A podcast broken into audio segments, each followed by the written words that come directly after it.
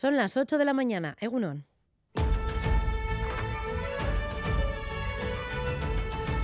Crónica de Euskadi con Irache Martínez.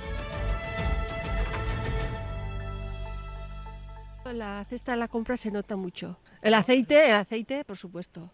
Antes con 30 euros dices, o 50, pero ahora ya... Es que esto los, yo hago la compra a día a día. Sobre todo los productos básicos, que yo creo que eso me parece de vergüenza. Dena supermerkatuan eta janaria ba, asko igo da. Bai, bai. Esnia, esnia, asko. Handik esan dit egosta guteko eta dana ofertak erosi dut. Está más caro, pero hay que comer. Los huevos han subido mucho. Tenemos que comer todos los días y entonces no se puede negar, ¿no?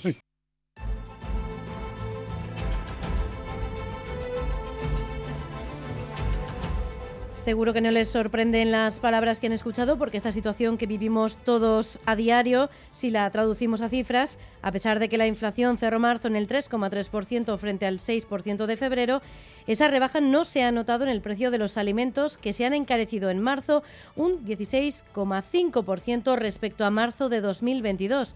Mientras tanto, Facua denuncia que la rebaja del IVA a algunos alimentos no está funcionando y asegura que 4 de cada 10 productos son más caros ahora que antes de que se aplicara el descuento. Y hablaremos en este informativo también de vino, pero no de su precio, sino de la última vuelta de tuerca de las denominaciones de origen, porque Viñedos de Álava y Abra han recurrido ya la suspensión cautelar del permiso temporal para comercializar sus vinos concedido por el gobierno vasco. Argumentan que en el auto no se justifica que el reconocimiento de esta denominación genere perjuicio alguno a la denominación de origen Rioja. El gobierno vasco, por su parte, ha mostrado su respeto a la decisión judicial, pero tras defender la legitimidad de la iniciativa, ha recordado que la última palabra está en la Comisión Europea.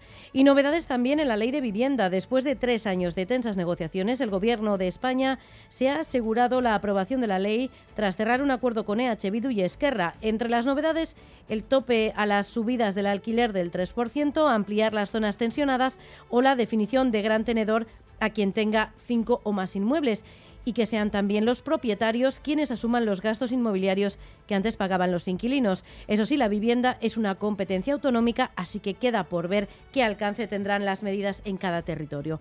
Pero sin duda la última hora nos lleva hoy a Francia porque después de que ayer el Consejo Constitucional avalara los planes del gobierno de Macron para elevar la edad legal de jubilación de 62 a 64 años, esta madrugada el Ejecutivo galo ha publicado ya la orden en el boletín oficial. Macron se ha dado prisa en hacer oficial esta reforma que sigue incendiando las calles porque solo en París en las últimas horas ha habido un centenar de personas detenidas en las protestas por la reforma de la ley. Enseguida profundizamos en todos estos asuntos, pero antes, como siempre, ya saben, la actualidad deportiva, John Zubieta, Egunon. Hola, Egunon. Empezamos hablando de una mala jornada futbolística para Osasuna y Eibar. Los rojillos perdieron por 2 a 1 ante el Rayo en un partido que se decidió en el último tramo de la primera parte con goles de Aridane en propia meta y de Isi.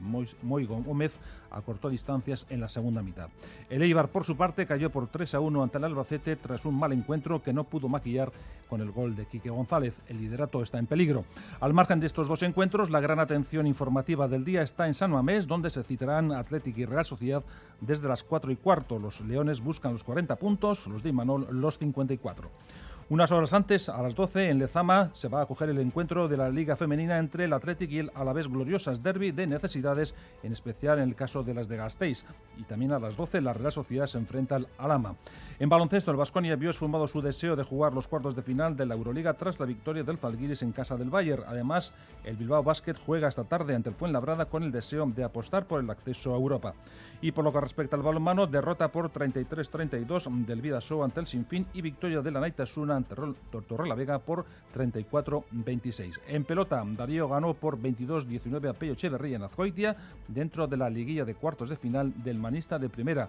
Y en golf, John Ram mejoró muchísimo sus prestaciones en el RBC Heritage de Estados Unidos, pero está algo lejos de la cabeza a seis golpes.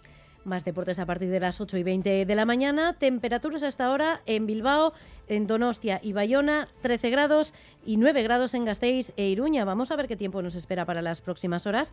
Euskalmet, Mayaleniza, Egunon. Egunon. Hoy el ambiente será fresco y gris. Las nubes serán abundantes durante todo el día y a ratos lloverá, sobre todo en la vertiente cantábrica. Luego, a medida que avance la tarde, aunque día puede llover un poco, las lluvias tendrán a remitir.